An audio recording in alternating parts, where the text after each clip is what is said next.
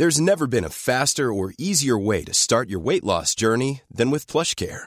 PlushCare accepts most insurance plans and gives you online access to board-certified physicians who can prescribe FDA-approved weight loss medications like Wigovi and Zepbound for those who qualify. Take charge of your health and speak with a board-certified physician about a weight loss plan that's right for you. Get started today at plushcare.com slash weight loss. That's plushcare.com slash weight loss. plushcare.com slash weight loss. Hello? Hello? Podcast Network Asia. Network Asia. Haga logo, segemu guaga. Sekarang podcast cuma sharing udah bergabung dengan podcast Network Asia. Akan ada banyak hal-hal menarik yang akan gue sharing di sini. Jadi jangan pernah bosan dengerin Sarah sharing terus. Haga logo, segemu guaga. Apa kabar kalian yang lagi dengerin ini? Semoga sehat-sehat ya. Di episode curah kali ini, lagi-lagi gue mau bacain email yang masuk. Dan ini dia isinya. Ini cerita yang mau aku sharing, tapi gak ada tempat buat cerita, jadi aku tulis aja di catatan HP. Hai buat kalian yang berkenan untuk baca ceritaku, makasih banyak ya. Jadi, aku udah pernah bertekad dalam diriku untuk gak ngeluh lagi karena namanya juga hidup. Ya pasti banyak capeknya, kalau gak mau capek gak usah hidup. Tapi emang Tuhan gak ada kepikiran gitu buat transmigrasiin aku ke tubuh anak lain, biar anak lain bisa ngerasain jadi aku, dan aku bisa ngerasain jadi anak lain. Yang pasti bukan anak perempuan pertama lagi, soalnya jadi anak perempuan pertama itu asli capek banget.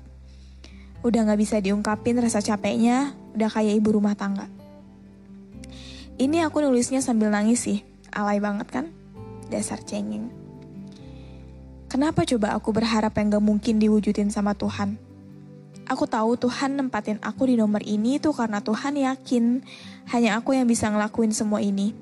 Karena hanya aku yang kuat sama ujian yang dikasih sama Tuhan, anak lain tuh gak bisa sama sekali.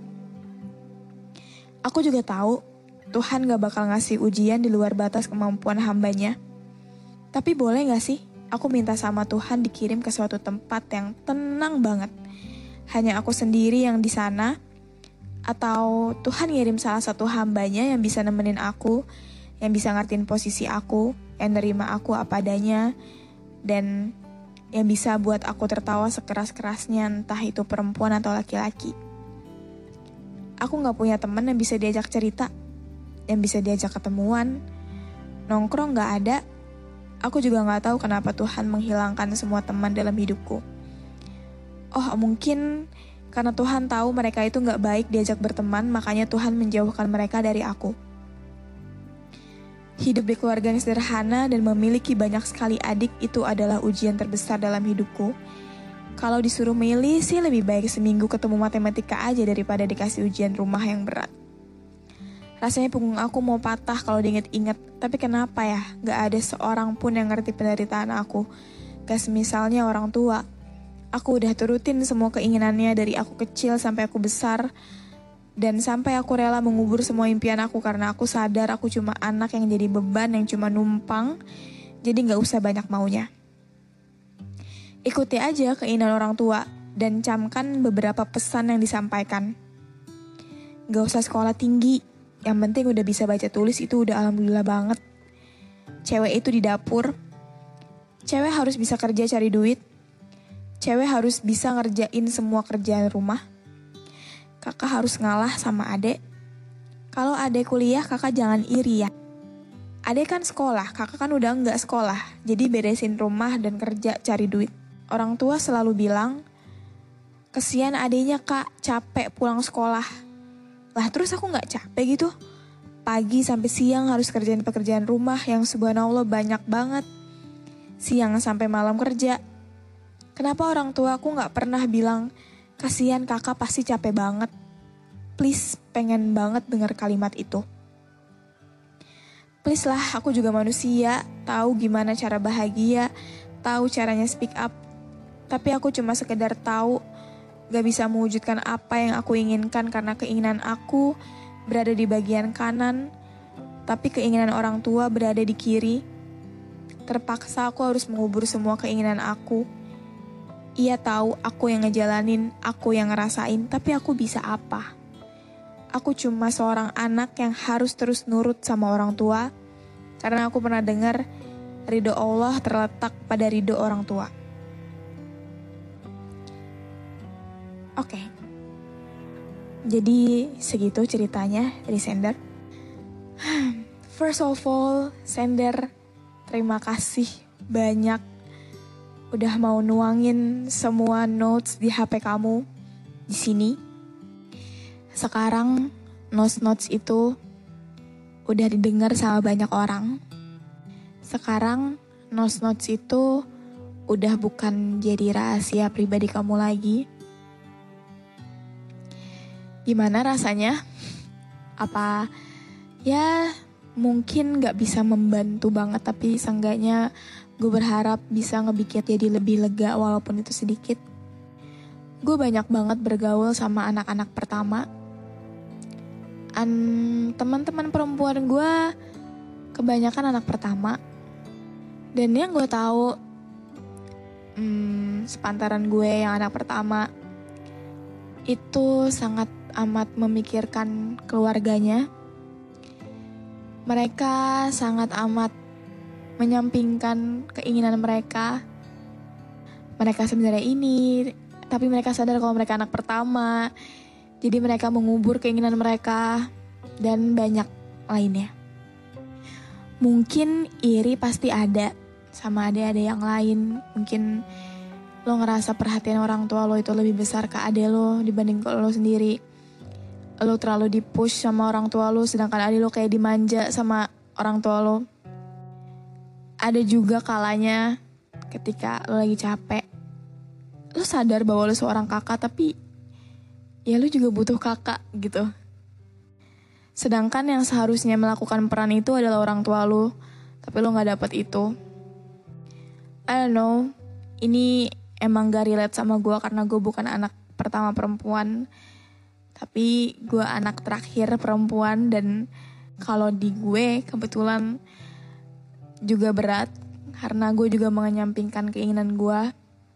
Anggap aja ini lagi nunggu giliran untuk siapa yang dapat apa ya istilahnya beban untuk dipikul. Mungkin saat ini ada lo masih sekolah jadi dia nggak ngerti gimana rasanya nyari duit itu susah. Tapi suatu saat gue yakin mereka nanti juga dapat gilirannya. Jadi ya jangan iri. Pesan gue selama masih bisa ngelihat orang tua lo bahagia meskipun cara yang kita lakuin kayak selalu salah di mata mereka gak dianggap spesial sama mereka sedangkan kita kayak udah effort mati-matian untuk ngedapetin duit untuk ngehidupin mereka untuk bisa ngasih makan mereka ya at least selagi lu ngasih rezeki lu yang lu cari dengan berkeringat itu lu kasih ke orang tua lu gue yakin banget kayak rezeki lu nggak bakalan nggak bakalan mati gitu. Bahkan mungkin bisa nambah dua kali lipat atau tiga kali lipat. Emang iya capek kayak sebenarnya anaknya banyak gitu tapi kenapa kayak kenapa gue dilahirkan sebagai anak pertama perempuan pula perempuan yang kita semua tahu adalah manusia yang sangat perasa tapi sialnya malah dilahirin jadi anak pertama yang harus banting tulang yang harus ya tahan banting juga yang mau gue bilang, yang mau gue sampaikan untuk kalian semua anak pertama, khususnya perempuan, you did a great job. Terima kasih banyak untuk kalian, anak pertama perempuan yang pundaknya selalu kuat, yang sebenarnya mau gak mau harus kuat. Kalian rela mengenyampingkan keinginan kalian pribadi demi kepentingan yang lain, terutama kepentingan orang tua dan adik-adik kalian. Kalian yang mungkin sebenarnya pengen dimanja tapi keadaan yang mengharuskan kalian untuk menjadi perempuan yang tangguh di balik semua babak belur yang kalian rasain selama ini, gue yakin ke depannya nanti kalian akan tumbuh, kalian akan menjadi perempuan yang hebat dan tangguh.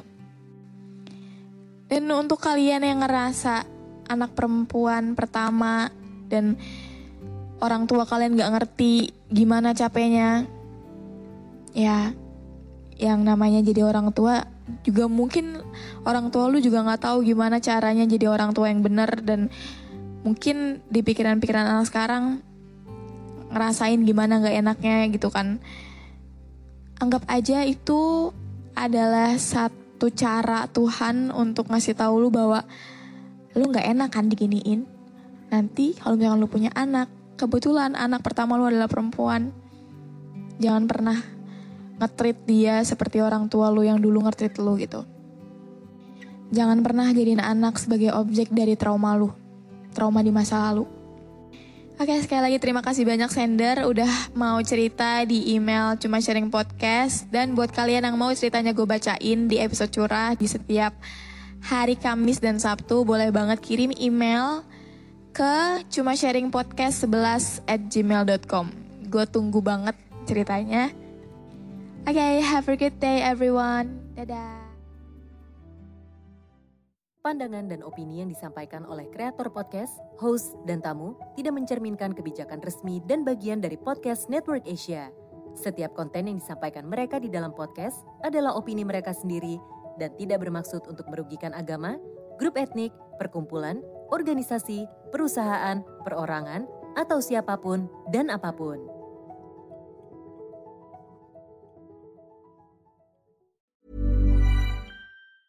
Planning for your next trip? Elevate your travel style with Quince. Quince has all the jet setting essentials you'll want for your next getaway, like European linen, premium luggage options, buttery soft Italian leather bags, and so much more. And is all priced at 50 to 80% less than similar brands. Plus, Quince only works with factories that use safe and ethical manufacturing practices. Pack your bags with high-quality essentials you'll be wearing for vacations to come with Quince. Go to quince.com slash pack for free shipping and 365-day returns.